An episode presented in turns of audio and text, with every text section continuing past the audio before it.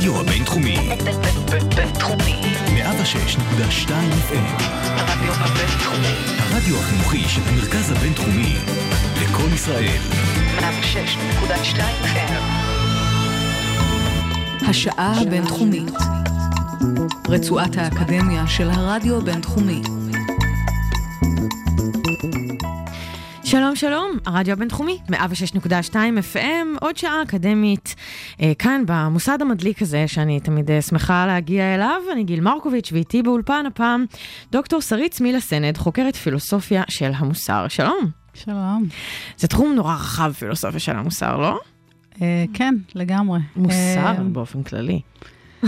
כן, זה תחום רחב, אני חושבת פחות רחב ממה שאנשים אה, עושים את זה הרבה פעמים. זאת אומרת, יש, אה, כמו כל תחום תיאורטי אחר, יש הרבה תיאוריות שונות. אה, ויש אה, כמה רמות של אה, מחקר. יש אנשים שחוקרים באמת את, ה, את האפליקציה של התיאוריות, יש אנשים שחוקרים את התיאוריות עצמן, מהמם. ויש אנשים שחוקרים את המטה-תיאוריות, זאת אומרת, מה מעבר לתיאוריות. כן. אה, אני נמצאת איפשהו באמצע. בין כל השלוש? לא, מטה אני לא מתעסקת בכלל, אבל אה, כן, יותר תיאוריה ועם קצת אפליקציה. כן. המאמר הזה הוא אה, דוגמה קלאסית. ל- המאמר שאנחנו נדון בו כן, היום. המאמר הזה הוא דוגמה קלאסית לאפליקציה. זאת אומרת, לקחת איזושהי, איזשהו רעיון תיאורטי ו- ולבחון אותו, אה, לבחון איזושהי סוגיה לאור ה... לאור תיאוריה. התיאוריה הזאת. אוקיי, אז רגע, זה אומר שגם הדוקטורט שלך הוא בפילוסופיה? כן. אוקיי, אז מה, מה לומדים, מה עשית, מה, במה התמקדת? למדתי בארצות הברית, אז השנים הראשונות בארצות הברית הם לימודים, אה, לימודי רוחב, מה שנקרא. לומדים הכל על פילוסופיה, לא רק על מוסר, לומדים את כל התחומים, בסך הכל אה, אה, השכלה די רחבה, שאז אפשר לבחור מה בדיוק התחום שיותר מתאים להתעסק בו במחקר. ובסופו של דבר אה, התלבטתי תקופה מסוימת בין אה, פילוסופיה פוליטית, ככה השתעשעתי, ו- ואז הבנתי שכדי להגיד משהו על, על כל דבר צריך ללכת קצת יותר אחורה לתיאוריה. זאת אומרת שגם פילוסופיה פוליטית צריכה צעד אחד אחורה ו- ולעסוק בדברים קצת יותר תיאורטיים, ומצאתי את עצמי מתעסקת יותר בתיאוריה של אה, מוסר, בסופו של דבר. דווקא מתוך סוגיות פוליטיות? במקור כן. במקור כן, למדתי גם כלכלה, כי חשבתי שגם כלכלה מאוד חשוב כשמנסים לעסוק בסוגיות פוליטיות, ואז בסופו של דבר מצאתי לי את הפינה החמה בתיאוריה, ואני כמעט לא מתעסקת יותר בבעיות פוליטיות. את אומרת את זה, את אומרת, למדתי גם כלכלה כי חשבתי שזה חשוב, כלומר, הייתה איזושהי הערה בדרך שגילית ש... שהדברים האלה פחות משפיעים לטעמך, או שהמחקר בהם פחות משפיע. כן, כן, גיליתי שהדברים פחות משפיעים, וגיליתי שהיכולת שלנו כמחקר להשפיע על מה באמת קורה, היא לא מאוד גדולה, ואולי אה, במרכז הבינתחומי זה לא מקום אה, כל כך טוב להגיד את זה, כי כאן כן יש ניסיון לשנות את שיטת הבחירות, את שיטת הממשל וכאלה. אבל אה, מהפרספקטיבה של פילוסופיה, אני חושבת, האם לפילוסופים יש משהו לתרום, אה, נדמה לי שלא מספיק. אה, זה היה נחמד אם פילוסופים היו יכולים לבוא עם אה, שיטה לחלוטין שונה, כי הדמוקרטיה, כמו שאנחנו רואים אותה היום, לא ממש, אה, לא ממש מככבת. כן. אבל אני לא ראיתי, לא ראיתי לנכון להתעסק בזה, כי חשבתי שזה באמת אה, אה, פרויקט באיזשהו מקום קצת יותר מדי אה, אה, שאפתני, ואולי אפילו בלתי אפשרי. אז, אה, אז חשבתי שאולי כדאי לחזור לבן אדם הקטן, מה אנחנו, אנחנו כבני אדם, מה התיאוריה יכולה להגיד לנו על איך אנחנו צריכים לחיות. זה נראה לי יותר... אה, רלוונטי, יותר רלוונטי. מעשי אולי אפילו. כן, כן. ובכלל, איך ההחלטה אה, התקבלה לגבי להישאר באקדמיה, להיות חוקרת? אני לא יודעת, נגיד אם אנחנו... אם אני מנסה לחזור אחורה, אני לא יודעת, לא הכרנו, אבל נגיד אה, ממקום של אה, אדם צעיר אה, שחושבת מה, איך אני יכולה להשפיע על דברים שמפריעים לי, בסוף להישאר באקדמיה, השאלה שלי זה איך זה, כלומר, איך, איך קיבלת פשוט את ההחלטה? אה? אמ, בשלב מסוים שבו הייתי באמת באיזושהי פרשת דרכים, הלכתי לעבוד בכנסת לשנה. ורציתי לראות אם זה המקום שבו נעשים הדברים ושבו ההשפעות האמיתיות קורות, ו- וזו דרך טובה לעשות את זה. וגיליתי שזה לא מתאים לי. גיליתי שהפוליטיקה בטח לא מתאימה לי, אבל אפילו להיות בפריפריה של פוליטיקה לא מתאימה לי, כי מדובר בהמון, אה, אה, כמובן, משחקים פוליטיים שלא מתאימים לי, אבל גם מעט מאוד השפעה בסך הכל. זאת אומרת, יש מעט מאוד דמויות שיכולות להגיד שהן באמת משפיעות על מה שקורה. אה, לא שאני חושבת שיש כל כך הרבה פילוסופים שמשפיעים על מה שקורה, אבל, אה, אבל אני כן חושבת שבהוראה ובכתיבה שהיא נגישה לאנשים, יש דרך להשפיע על אנשים, ואני רואה את זה גם מהסטודנטים שלי. זאת אומרת, אני לא אה, מלמדת אה, אלפי סטודנטים, בקריירה שלי בטח כבר לימדתי אלפים, אבל אה, אני יכולה להגיד שאפילו אם עשרות מתוכם באים ואומרים, זה כן שינה את הפרספקטיבה שלנו על החיים, מבחינתי זו השפעה אדירה. כן. אני לא חושבת שהרבה אנשים יכולים להגיד ש... שהמקצוע שלהם גורם לכזאת השפעה. זאת אומרת, בסופו של דבר רובנו לא משפיעים המון. גם בכתיבה האקדמית שלנו, כמה אנשים באמת קוראים, כמה אנשים יקראו את המאמר הזה, כמה אנשים באמת uh, קוראים מאמרים אקדמיים. ו... אז אני חושבת שבמרחב הזה שבין הכתיבה האקדמית הנגישה יותר, לבין הלימוד או ההוראה האקדמית, יש מקום להשפעה, אני חושבת, שהיא אולי קטנה וצנועה, אבל היא מספקת בעיניי. תמיד אני מגיעה לשאלה, לא תמיד, אבל בדרך כלל אני מגיעה לשאלה הזו בסוף, לשאול uh, את האורחים והאורחות שמגיעים הנה, איך באמת האינטראקציה עם הסטודנטים ואיך uh, מגיבים, מגיבים בכיתה לתכנים שהם uh, מעבירים. אז את כבר uh, סיפקת לי את התשובה הזאת שזה כן יכול לספק, על אף שזה לא תמיד במינון מאוד גבוה, uh, הסטודנטים שבאים ואומרים שהם מושפעים. בהחלט, כן, כן. אני, כי אני חושבת שסטודנטים בכלל לא נחשפים לתכנים האלה בכלל.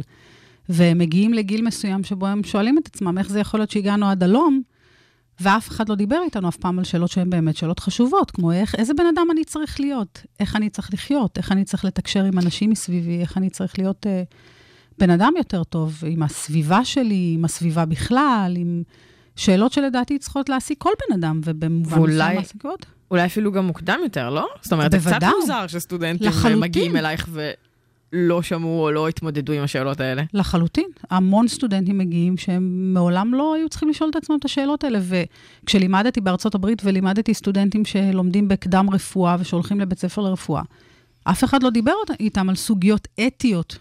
אתיות לא במובן המשפטי, לא במובן אני מנסה לא להיכנס למצב שבו יתבעו אותי, אלא סוגיות אתיות, באמת בשאלות של חיים ומוות, בשאלות של יחסים בין רופא וחולה. לא, ש... לא, זה שאלות שלא לא עולות. שגם זה מוזר, כי זה, זה מה שהם לומדים, זה חלק מאוד מאוד נכבד, גדול ממה שהם הולכים לעשות.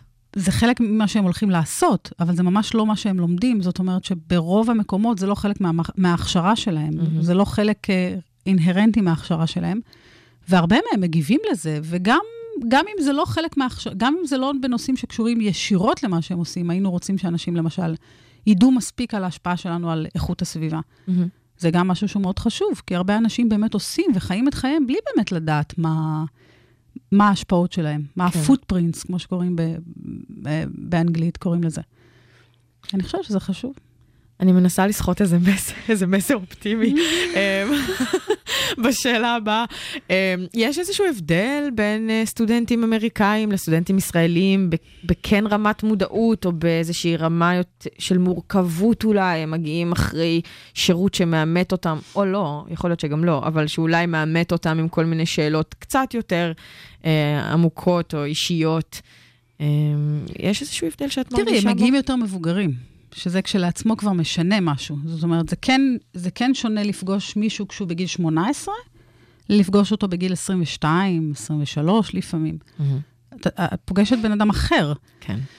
אמ, אבל זה, וזה נכון, וזה לטובה ולרעה. זאת אומרת, יש משהו מאוד uh, נחמד בלתפוס את הבן אדם בשלב שבו הוא לא לגמרי יודע מה הוא רוצה לעשות, ולפני שהוא נכנס לתוך החיים ולנסות uh, לאבד קצת את החומרים האלה איתו.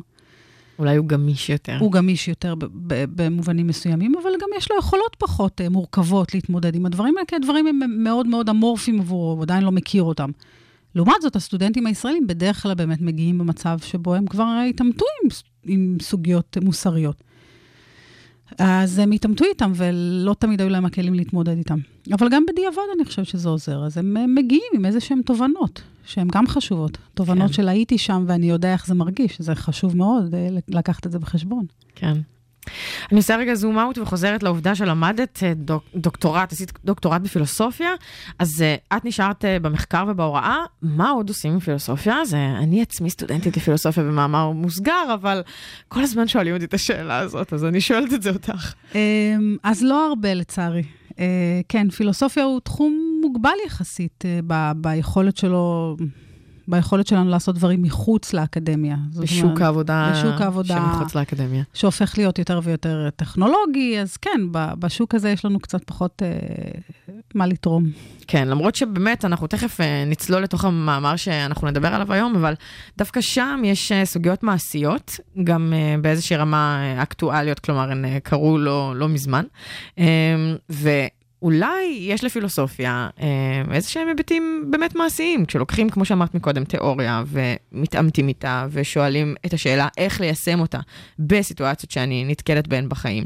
אז אולי באמת אפשר אה, כן להפוך אותה לכלי ממש, או אפילו אה, איזשהו לגמרי. אורח חיים. לגמרי, אני, מסכ... אני חושבת שזה בהחלט אה, דבר מאוד חשוב שנעשה, הרבה פילוסופים תמיד, אה, זאת אומרת, זה תמיד איזשהו, איזשהו מאבק בפילוסופיה בין אלה שרוצים להישאר במה שנקרא armchairs philosophers, אלה שיושבים בספה ומתפלספים, כן. לבין אלה שבאים ואומרים, לא, יש לנו מה לתרום גם באמת לסוגיות שאנשים אה, מתמודדים איתם בחיים, ואנחנו Mhm. צריכים להפוך אותה ליותר נגישה. אני מאלה שמאמינים שצריך להפוך אותה ליותר נגישה, כי בסופו של דבר, אם את יושבת בכורסה ואף אחד לא קורא את מה שאת כותבת, או מתי מעט קוראים את זה, כן. אז, אה, אז התרומה היא כמובן יותר אה, צנועה. פחותה, צנועה. צנועה זה יפה, אוקיי. אנחנו נשמע את השיר הראשון מתוך מבחר שירים שבחרת לתוכנית, אה, אביב גפן והטעויות, עם אימא תראי. אז פשוט בחרת שירים שאת אוהבת את השיר לשעה הקרובה. כן, השיר הספציפי הזה באמת, אני חושבת, אה, קצת אה, מחדד איזשהו משהו שהוא גם כן קשור למה שדיברנו עד עכשיו, של באמת, מה, איך אנחנו מגדלים את הילדים שלנו? אנחנו מגדלים אותם להיות אנשים טובים, או שאנחנו מגדלים אותם להיות, כמו שהשיר הזה קצת אה, מזכיר לנו, להיות עצמאיים ולעשות, אה, לשרת בצבא ולעשות כל מיני דברים שאנחנו רוצים שהם יעשו, ו, ופחות איזה בני אדם הם יהיו.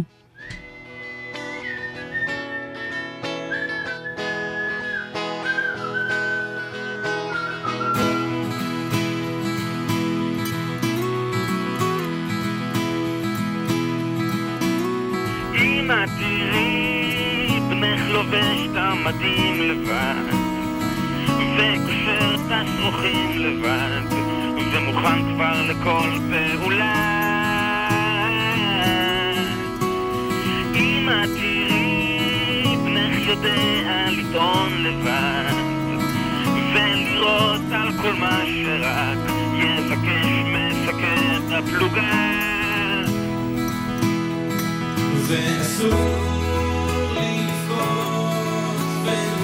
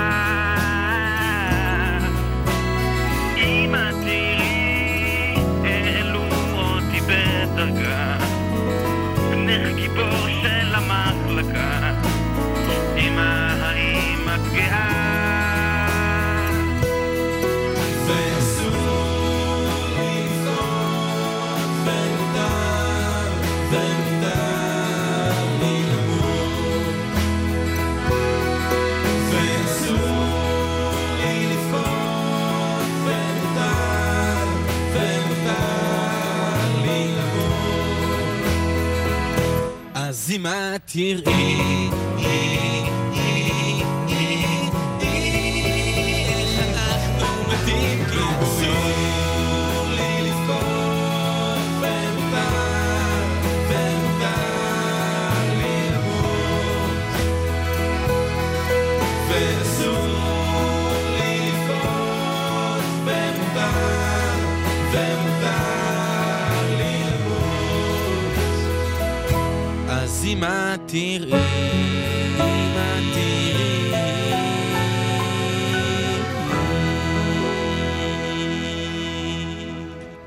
זה נכון שאנחנו הולכות לדבר על um, איזשהו, uh, איזשהו צד או אספקט של, uh, אני אגיד פמיניזם, מילה גדולה כזאת, uh, שלא כל אחד לוקח לאיזה מקום אחר.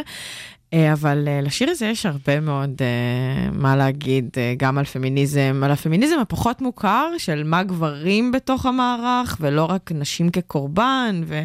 אלא גם גברים אה, כחלק מהניסיון ל... לשוויון הזדמנויות, לשו... להתייחסות שווה וכולי. בציפיות? אה, נכון, נכון, בציפיות. מותר למות, אסור לבכות. אה, אוקיי, אז אה, באמת הנושא יהיה, ותתקני אותי אם אני טועה או מתרגמת לא נכון, אה, הטרדה מינית במקום העבודה. אה, אוקיי, אז עכשיו אני צריכה, אחרי שעשינו את ההקדמה על פילוסופיה ו, וכולי, עכשיו אני צריכה קודם כל קצת רקע לבחירה של הנושא, אה, האם את מתעסקת אה, בתחום הזה אה, כבר הרבה זמן, כותבת על הטרדות או על פמיניזם בכללי עם איזושהי השקה על פילוסופיה כבר תקופה ארוכה, או שאת כאילו כל פעם בוחרת משהו אחר ש...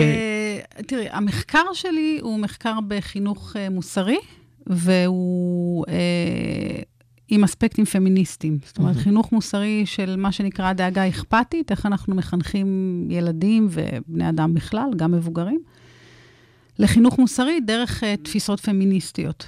או לפחות שהיו פמיניסטיות היום, הן כבר יותר ויותר הופכות להיות תפיסות של מיינסטרים. דווקא מתוך התפיסה הזאת שאנחנו לא בהכרח רוצים שאנשים ילמדו חוקים, אלא אנחנו רוצים ללמד אותם להיות בני אדם אמפתיים, שיודעים להרגיש את הזולת ויודעים להרגיש את ה... להתחבר לרגשות של הזולת, ולכן יש יותר סיכוי שהם ינהגו כמו שהיינו רוצים שהם ינהגו מבחינה מוסרית. השאלה של אה, הטרדה מינית היא כמובן, אה, היא מורכבת, איך הגעתי לנושא הזה. הגעתי לנושא הזה כי כמו כל אישה, גם אני בשלבים מסוימים בחיים שלי חוויתי הטרדה מינית. והיום אני מלמדת, בהוראה שלי אני מלמדת אה, קורסים בביזנס אתיקס, שזה, שזה אתיקה של אה, מנהל עסקים, ששם אה, הטרדות מיניות הן עניין מאוד מאוד אה, קשה נפוץ. ונפוץ. אבל גם באמת עניין מאוד קשה, בגלל שאנחנו ממש עומדים אל מול תופעה שהיא תופעה מאוד מאוד אה, רווחת, שגורמת לשילוב של נשים בשוק העבודה, במיוחד בעסקים אה, פרטיים, לכמעט בלתי אפשרי. זאת אומרת, בדר, בדרגים מסוימים כמעט בלתי אפשרי. ואנחנו עומדים, אל מול, אה, עומדים די אה, משתאים אל מול התופעה הזאת, ולא ממש מצליחים לפתור אותה, לא ממש מצליחים אפילו להתקרב לפתרונות. וכל פעם שאנחנו אה, מסתכלים על סקרים חדשים, אנחנו מבינים שאנחנו לא הולכים קדימה. אם, אם כבר אנחנו רוצים להיות אופטימיים, אז אנחנו לא הולכים אחורה. מהמם. אבל אנחנו בוודאי לא מתקדמים, אנחנו בוודאי לא מצליחים ליצור סביבה שתהיה סביבה שבה נשים יוכלו להרגיש בנוח, להרגיש בטוחות בעבודה, ולהרגיש שזה המקום הנכון בשבילם להיות פה, ולא רק בבית, כן. לא רק בספירה הפרטית. אז אני חושבת שזה גם מבחינה, אני חושבת שזה משהו שפמיניסטיות צריכות מאוד להיות, אה, ו- ו- והן כן, זאת אומרת, חלקן מודעות לו מודעות וערות. לו.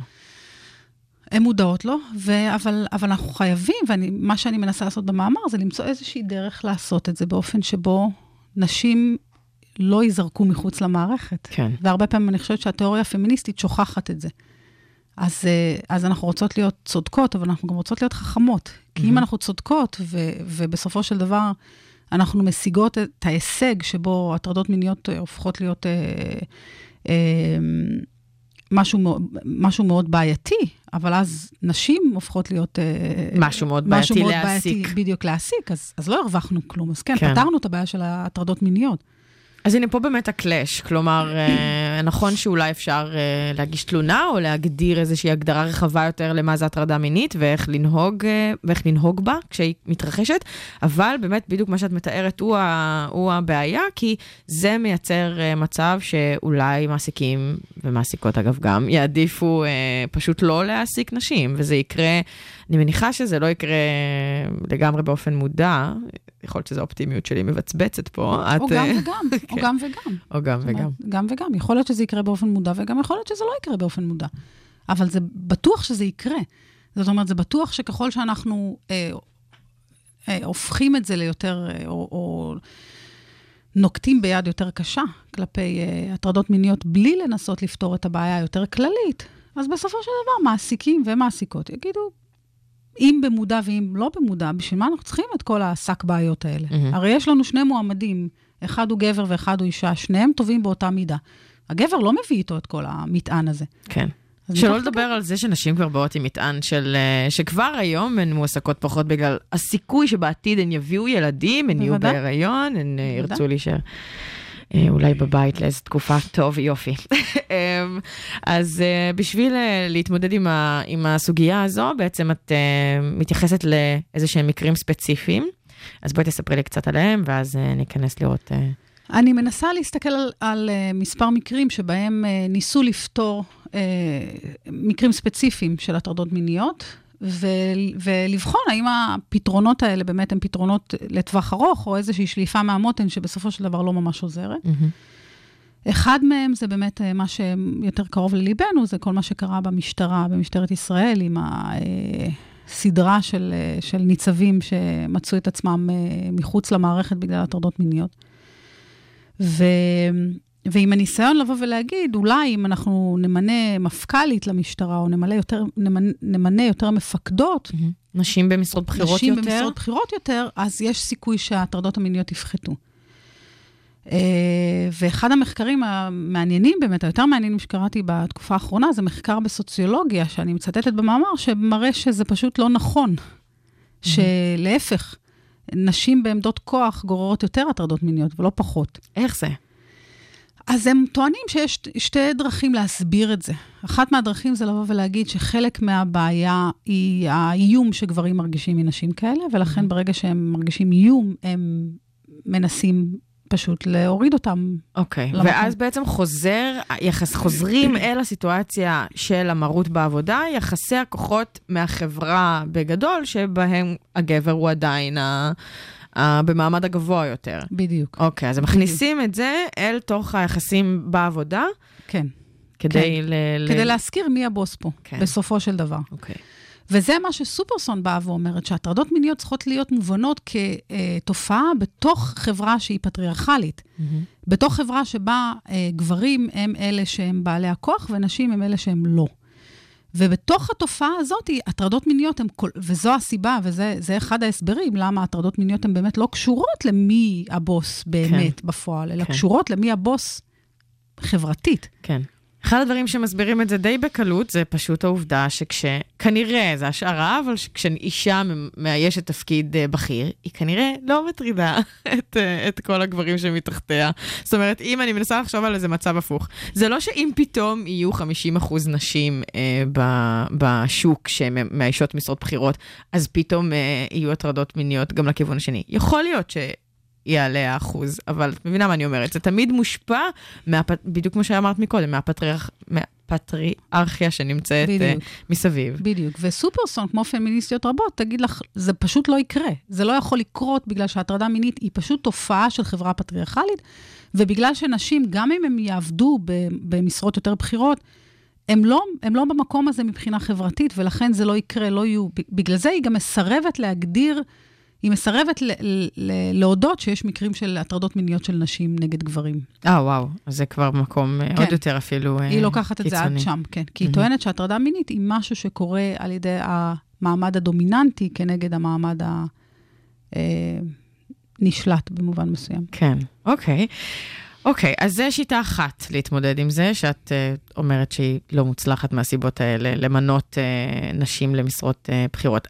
שרגע, רק חשוב להגיד בכוכבית, בלי קשר צריך שנשים יאיישו. בדיוק. זה, שזה מאוד יהיה נחמד אם תהיה מפכ"לית אישה, וכמובן כן. שזה ברור שזה לא קרה, זו הייתה איזושהי שליפה, אני לא חושבת שאף אחד באמת התכוון למנות uh, מפכ"לית אישה. אבל זה היה נחמד אם היו עושים את זה. זה בטוח היה משפר את המשטרה במובנים מסוימים, נכון. אולי אחרים, אבל זה היה משפר את המשטרה. אמ, ודרך אגב, גם במשטרה כשראיינו ניצבות, אז הם טענו שהם הוטרדו מינית. זאת אומרת, הם הוטרדו מינית על ידי קולגות שנמצאות באותה עמדה כמוהן, כן. ניצבים אחרים, ו- וכמובן אנשים שהם נמצאים מתחתיהם. זאת אומרת שגם במשטרה זה לא עזר למנות uh, נשים. הפתרון השני הוא הפתרון הפמיניסטי, הפתרון שסופרסון אה, מציע, והוא באמת ליצור הגדרה מאוד רחבה של, של אה, הטרדה מינית, לבוא ולהגיד שהטרדה מינית היא בעצם צריכה להיות אה, פשע נגד, אה, נגד אנשים, ולא נגד אישה ספציפית. Mm-hmm. זאת אומרת, באמת ליצור אה, איזושהי סביבה שבה אפילו נשים שהן עדות להטרדה מינית של אישה אחרת צריכות... אה, וגברים גם, שהם עדים, אה, יש להם חלק ב, ב, בטיפול. זאת אומרת, הם אלה שצריכים לבוא ו, ו, ולהעיד. לספר. ו, ולספר. עם מה שהיא מנסה לעשות, שזה דבר מאוד חשוב, זה להוריד את המעמסה מהקורבן. כן. את המעמסה של להודות, ש, של, של להוכיח שזה קרה, של להוכיח שהייתה כוונה להטריד מינית, וזה כמובן מאוד מאוד מסובך. אז היא רוצה שגם אנשים וגם נשים, ש... והטענה של פמיניסטיות, שהיא טענה גם כן חשובה, היא שהרבה פעמים גם האישה שעומדת ומסתכלת מוטרדת. זאת אומרת שגם כשאת עומדת ו- וחושבים שאת הסחבקית והמגניבה וזה, מהמם. ורק אומרים משהו מגעיל על מישהי אחרת, או משהו מעליב על מישהי אחרת, באיזשהו מקום גם את מוטרדת, כי ה- האישה שעומדת מהצד לא יכולה באמת להגיד, זה לא מתאים, זה לא נעים, היא צריכה באיזשהו מקום לשתף פעולה. ולכן היא באה ואומרת, העבירה היא עבירה כלפי כל הנשים, כלפי אנשים כמין, מהמם. ולא רק כלפי אישה מסוימת. וככה צריך לראות את זה. ולכן היא מציעה באיזשהו מקום גם הגדרה יותר רחבה, שהיא הגדרה אובייקטיבית ולא סובייקטיבית. אני נעלבתי, אבל אולי מישהי אחרת לא נעלבה, אני הורגשתי מוטרדת ואולי מישהי אחרת לא, אלא משהו יותר אובייקטיבי. שנותן לנו איזושהי, אה, יוצר איזושהי התקדמות בתפיסה שלנו של מה זה הטרדה מינית, ושל איזה סביבת עבודה היא יוצרת עבור נשים. הבעיה שאני רואה עם, הדבר, עם הפתרון הזה, הוא, הוא, היא שאני חושבת שהוא פשוט ישמור את הנשים מחוץ לעבודה, מחוץ למעגל העבודה. כי גם חברות כמו גוגל, שבאות ואומרות, אנחנו רוצים להגדיל את מספר הנשים אצלנו, אין לנו מספיק נשים, גוגל, אמזון, מייקרוסופט, כל החברות אה, הייטק הגדולות. הן, אה, הן באות ואומרות, אנחנו רוצים לעשות את זה. העניין הוא שאם הם יחשבו שיהיו להם כל כך הרבה מקרים של הטרדות מיניות ושל של מקרים משפטיים שהם יצטרכו, תביעות משפטיות שהם יצטרכו להתמודד איתם, הם לא, יעש, הם לא יעסיקו נשים. וזה, ואלה חברות פרטיות שיש לנו מעט מאוד יכולת להשפיע על, העסק, על, על, על דפוסי ההעסקה שלהם. Mm-hmm. ולכן פה אני חושבת שמה שאנחנו עושות זה אנחנו נשארות צודקות, אבל לא מאוד חכמות. כן, כי... בפתרון הזה. בפתרון הזה, בדיוק. כן. כי אנחנו פותרים רק צד אחד של המשוואה, ואנחנו יוצרים מצב שבצד השני אנחנו נפסיד. אוקיי.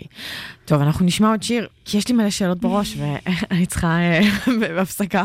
אז אנחנו נשמע אה, את אחינועם ניני וגיל דור עם אה, אורי, שזה שיר מקסים, שאגב, שם נוסף שלו זה הכרה, שזה שם נורא, ואנחנו נסלח לו. אז הנה אחינועם ניני וגיל דור.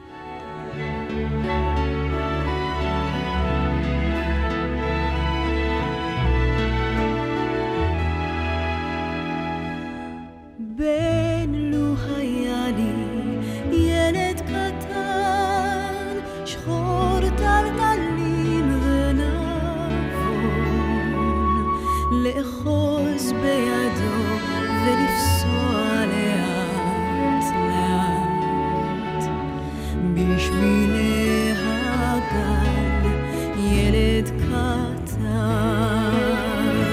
אורי אקרא לו, אורי שלי, רך וצלול הוא השם הקצר, רסיס נהרה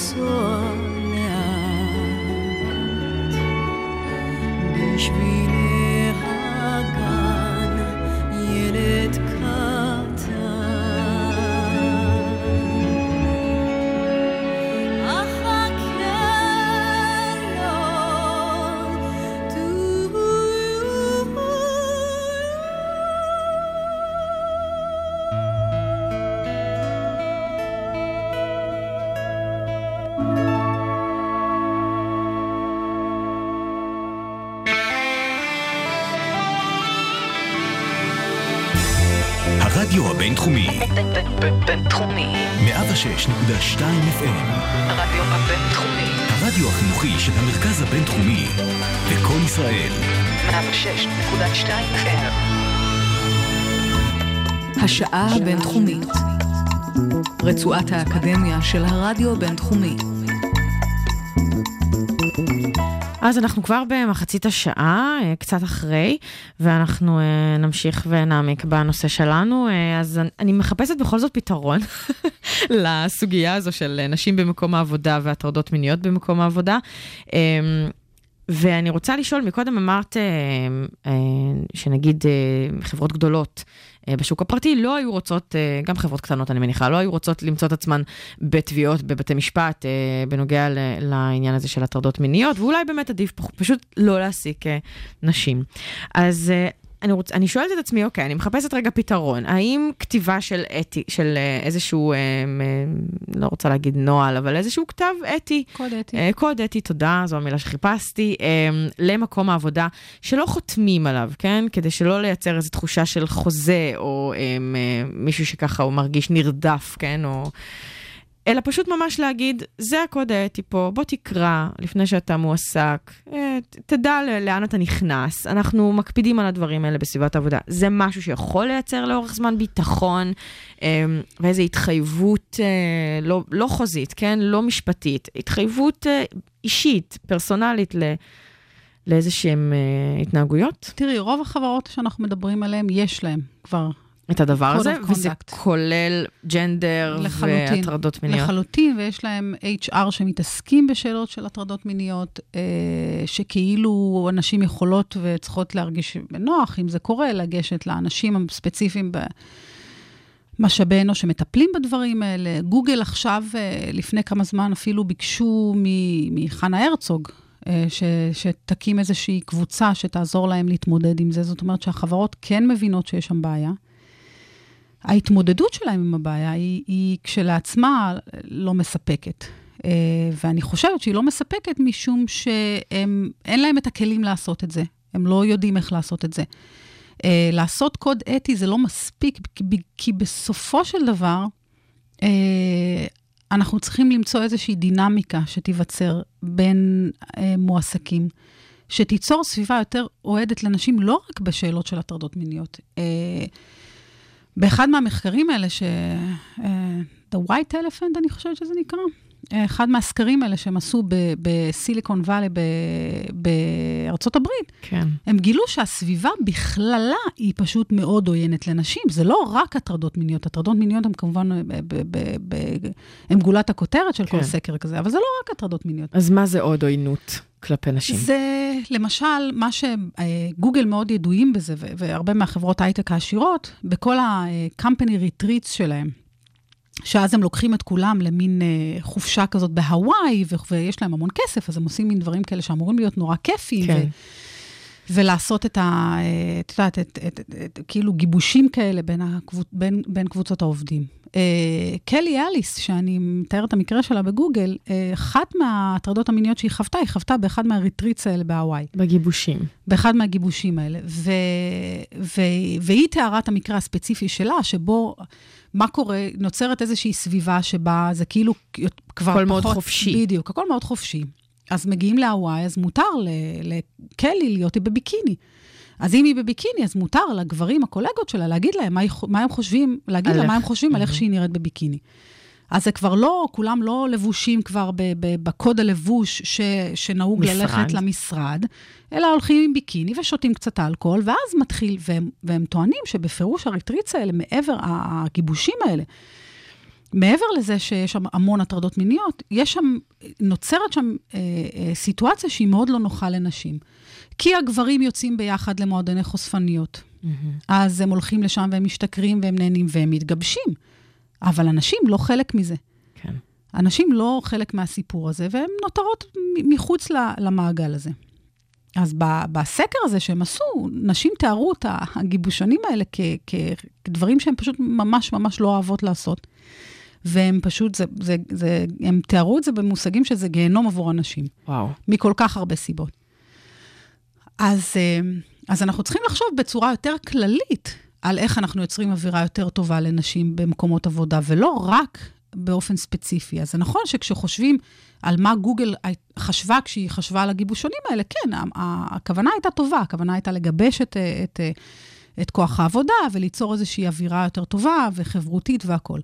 אבל כשיש לך 70 אחוז או 80 אחוז גברים ורק 20 עד 30 אחוז נשים, בדרך כלל נשים צעירות, אה, אז זה נורא קשה. כן.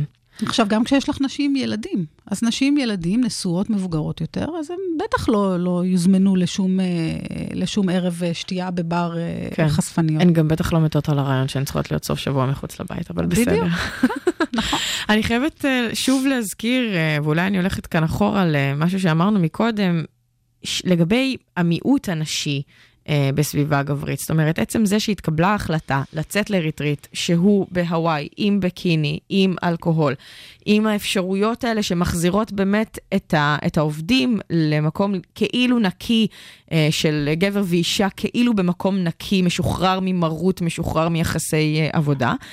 זאת החלטה שהתקבלה, לדעתי, ואני אומרת, אני לא יודעת מי קיבל אותה בגוגל, אה, ממקום מאוד גברי. כלומר, אה, זה גברים שקיבלו את ההחלטה הזאת, שלא מכירים את החששות הנשיים. אני לא מאשימה אותם, הם לא אמורים להכיר, אבל הם אמורים להיות...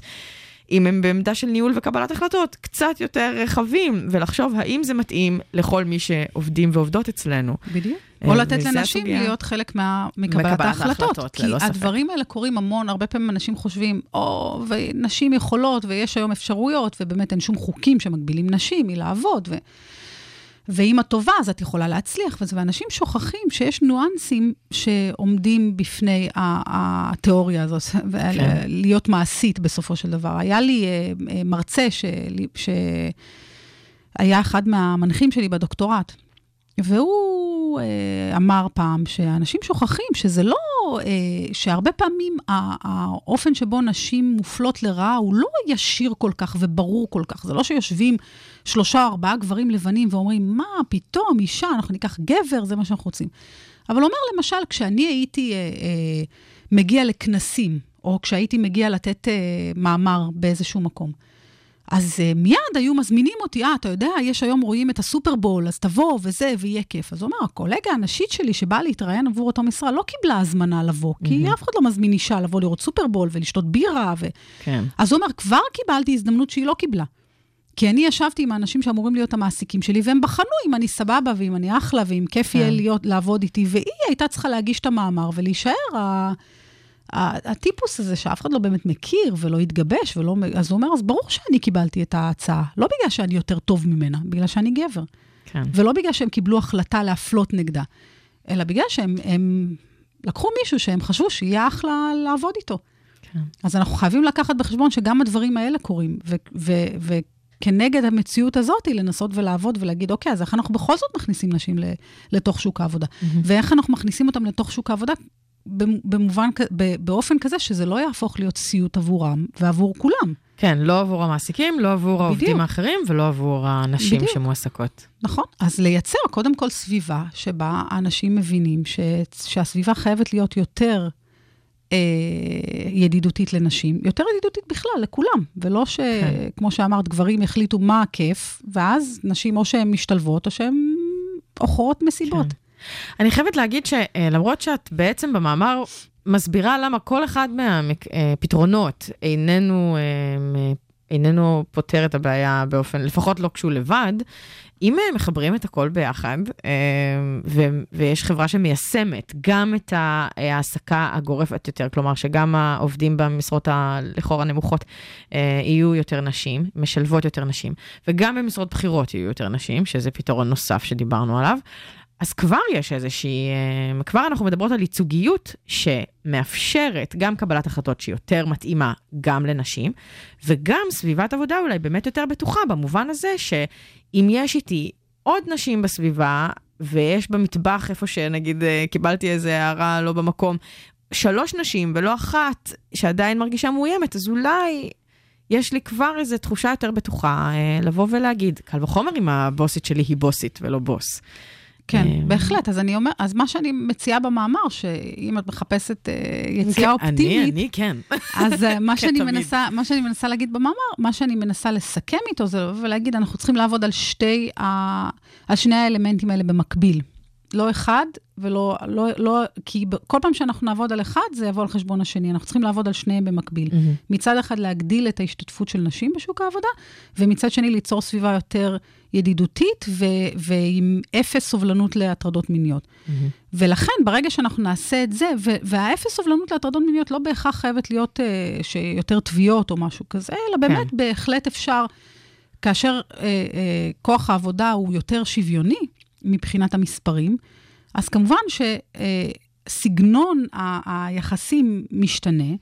וגם אפשר פשוט, באמת, אני חושבת שדרך טובה לנסות לפתור את הבעיה של אה, חוסר ההבנה של אנשים, של, מה- של גברים, של האפקט של מה שהם אומרים על נשים אחרות, נובע א', מזה שיש להם אינטראקציה מעוט- מעטה יחסית עם נשים, אבל גם מזה שפשוט אה, יש תחושה ש, ש, שזה כאילו איזה משהו אישי של האישה הזאת או האישה הזאת, וה, והניסיון לבוא ולהגיד, בואו תסתכלו על... המ- וזה איפה שגם התיאוריה שלי על אמפתיה מהמם.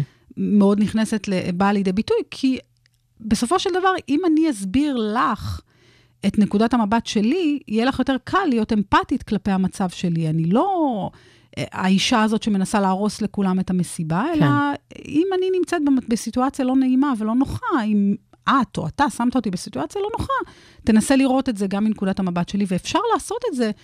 על ידי שיחות שבועיות ועל ידי uh, case studies, שבו אנשים מסתכלים על מקרים ובאים mm-hmm. ואומרים מה קרה לה, למה הוא, למה הוא, מה הוא עשה, מה, היא, מה הוא חשב שהוא אומר, מה היא חשב, איך היא קיבלה את זה.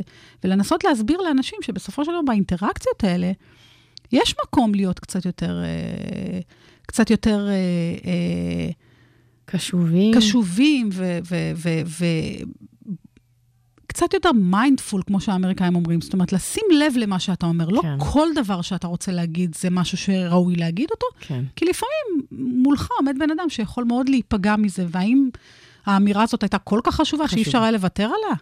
כן. אה, ברוס, ברוס אה, ספרינגסטין עם Streets of Philadelphia. תכף חוזרות.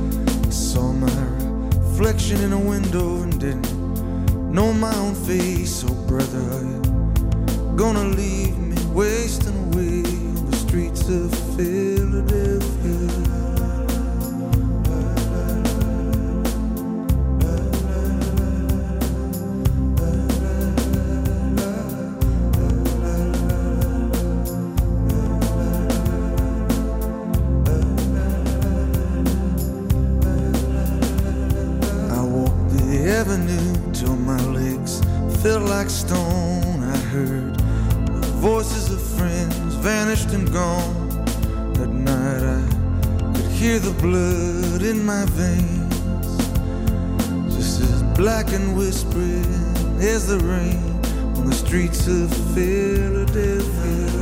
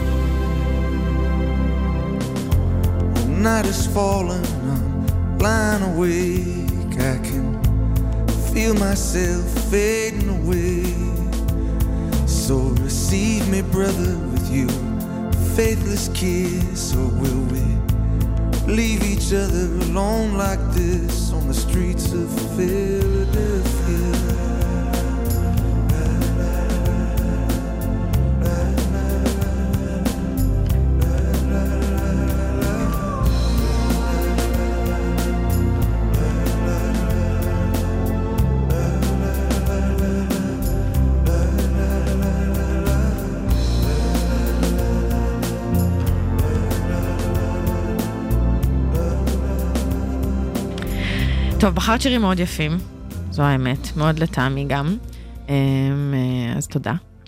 ואנחנו אה, נמשיך ונתעסק ב...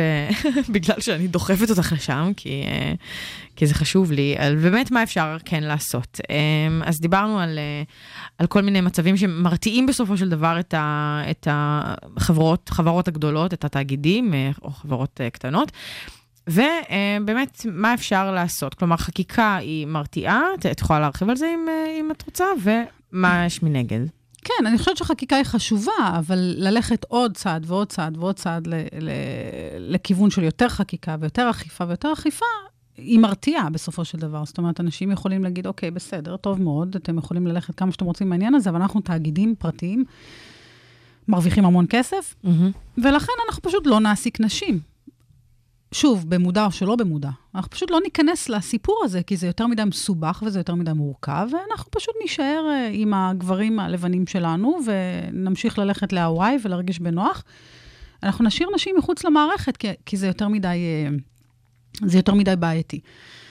מה שגוגל עשו, למשל, וזה, וזה חלק מהבעיה, זה שמצד אחד הם באים ואומרים, כן, אנחנו מאוד רוצים נשים, והם מציעים לנשים לה- להקפיא את הביציות שלהם על חשבון גוגל, כדי שכשהם יחשבו שהן רוצות להיות אימהות, הם יוכלו לעשות את זה, וכאילו נותנים שזה הרבה... נושא לשיחה שלמה, אה, לתוכנית בדיוק, שלמה. בדיוק. נו- נותנים הרבה תמריצים לנשים להיכנס למערכת, לנשים צעירות, ואז מצד שני, כשמגיע מין מקרה כזה, כמו המקרה של קלי אליס, הם לא טיפלו בו, זאת אומרת, הם בסופו של דבר הראו לה את הדלת.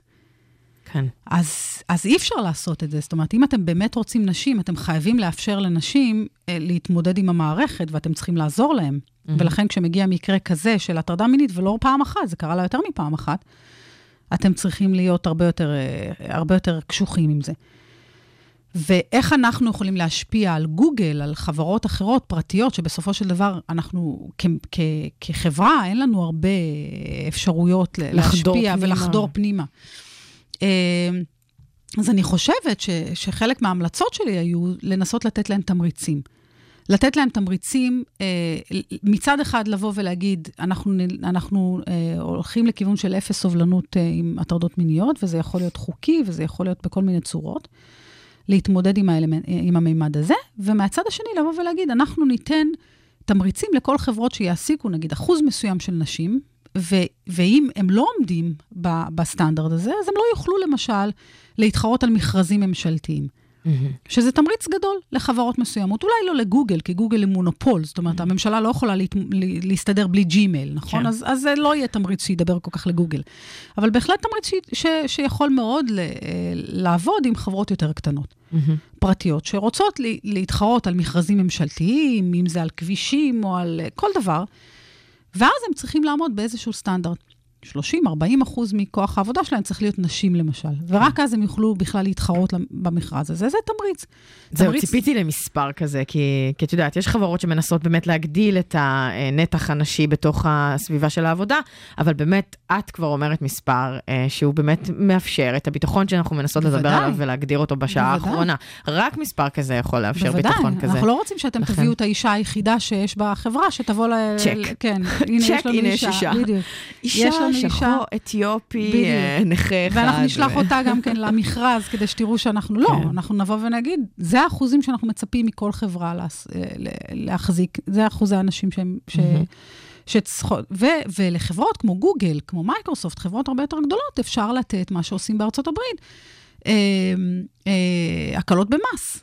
לתת הקלות במס לחברות שעומדות ב- בסטנדרט ש- שנקבע, על ידי המערכת של כמה נשים צריכות, לי- צריכים להיות. כן. ואז לבוא לחברות שהסתכלנו שם באמזון למשל, גם כן, זה מגוחך, יש להם בעצמם diversity report. זאת אומרת, אמזון בודקת את עצמה ואומרת, הנה diversity report, אופס, אין לנו נשים עוד פעם. כן. אז מה עושים עם זה? זה הכל נחמד שכאילו אתם אומרים שאתם, זה מאוד חשוב לכם, ואתם עושים diversity report, וגם גוגל, וכולם נורא חשוב להם להעסיק נשים, ואיכשהו, הם לא מעסיקים נשים.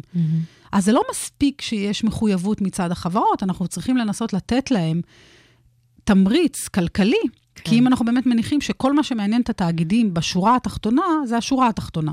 מה שמעניין אותם זה כמה הרווח. כסף הם מרוויחים, בדיוק. כן.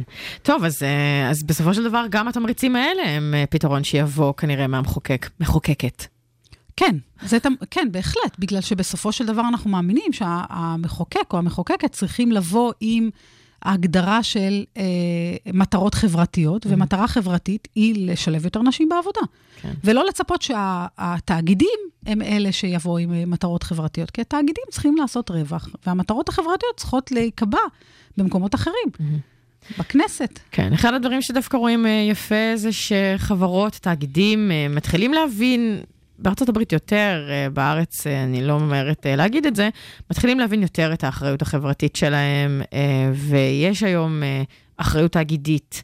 זה ממש מושג כבר ש, שהופך יותר ויותר, זה התחיל מסביבה. אבל זה ממשיך גם לחברה, כלומר, בדיוק, נכון. לא רק ל, לאיכות הסביבה, אלא ממש גם למיעוט, שוב, מיעוט והנה, נשי, תראי מיעוט בסביבה, אנחנו הרי עושים את זה. היום, למשל, מי שרוצה לבנות מטעם משרד השיכון, צריך לבנות בנייה ירוקה. מהמם. אז, נכון. אז זה תמריץ, נכון? נכון. למה? זה תמריץ לחברות פרטיות לבנות בנייה ירוקה. בנייה ירוקה זה, זה מטרה סביבתית, זה מטרה כן. חברתית. אפשר לתת את אותו תמריץ כדי לאפשר ליותר נשים אה, להיות מועסקות. כן. ולבוא ולהגיד, מצוין, אתם רוצים אה, להיות חלק מהפרויקט הממשלתי הזה, יופי, אבל הנה הסטנדרטים שאתם צריכים... אה, אה, לעמוד בהם. לעמוד בהם, בדיוק. כן. אחד הדברים שאנשים שמתעסקים באחריות תאגידית חברתית ולא סביבתית אומרים זה שבאמת יש משהו בסביבה שגילו שפשוט כש, כשעסק מתייעל לכיוון ירוק, אז הוא גם באמת מתייעל כלכלית. זאת אומרת, גילו שלאורך... לא, ב, לא ברגע שהוא עושה את השינוי, אבל לאורך uh, זמן, יש איזשהו רווח uh, כלכלי גם מתוך ההתייעלות הסביבתית. יותר קשה להוכיח את זה בעולם של החברה. כלומר, כי התמריץ הוא לכאורה מלאכותי, כן? זה לא שבאמת אם תשני איזשהו אה, משהו טכני בהתנהלות של המפעל, אז תהיה לי כלכלית, אלא זה שהממשלה צריכה להחליט שהיא מוותרת על נתח מסוים מהמיסים של, של גוגל, כדי שגוגל תעסיק יותר נשים. אז אולי... באמת הכל, אה, אנחנו חוזרות שוב לתואר שלך בכלכלה, אולי, אולי הכל מתחיל ונגמר שם, שבאמת קשה נורא לה, אפילו למחוקק להגיד, טוב, אני אוותר על, אה, על זה, כדי שתעסיקו יותר אה, נשים או כל מיעוט אחר. אז אה, זו סוגיה גם בפני עצמה. נכון, למרות שמחקרים כן הראו שחברות יותר diverse, מה שנקרא, יותר עם יותר מגוונות, שונות, יותר שונות. מגוונות, מגוונות, יש להם, אה, יש, יש אלמנטים שבהם הן יותר אה, רווחיות. מהמם. אבל בוודאי, זה פחות, אה, זה יותר קשה להוכיח את זה מ, אה, מסביבה. אבל גם פה, כשמ- כשדורשים מקבלנים לבנות בנייה ירוקה, הרבה פעמים זה נותן, זה, זה מעמיס עליהם איזשהו, אה, איזושהי הוצאה שאחרת ברור. הם לא היו צריכים להוציא. נכון. אז, אז אה, זה נכון מה שאת אומרת, קל למחוקק להפיל את, ה, להפיל את המעמסה הזאת עליהם, ולא לקחת את המעמסה הזאת על עצמו, נכון. ב, ב, ב, בדוגמת המיסים. אבל אנחנו מצפים מהמחוקק, מה שאנחנו לא מצפים מהתאגידים. מהתאגידים אנחנו מצפים לחשוב על השורה התחתונה, הם מנסים להיות רווחיים. המחוקק צריך לקדם מטרות שהן לא בהכרח מטרות uh, כלכליות, הן גם נכון. מטרות חברתיות. שהן רווחיות גם לחברה, אה, בדיוק. לא רק מבחינת הכסף המרשרש. טוב, אנחנו הגענו לסיומה של השעה. אה, ואנחנו נצטרך ל- לסיים את התוכנית. אז אה, אני ממש רוצה להודות לך על השעה הזאת, דוקטור שרית סמילה סנד, חוקרת פילוסופיה של המוסר. תודה רבה לך שהגעת, אה, ושבחרת שירים מקסימים. אנחנו נשמע עכשיו את אה, יהודית רביץ מתוך הופעה, אה, עם שיר מקסים שנקרא באהבתנו. אני אומר שכל התוכניות האקדמיות שלנו אה, זמינות ל iTunes, ב iTunes ובאפליקציות מקבילות אה, של אנדרואיד. עכשיו אני אתן לה להמשיך, אז אה, להתראות. מה שלא עשינו, לילה מתאדה, מה שלא היינו, הוא עכשיו שדה.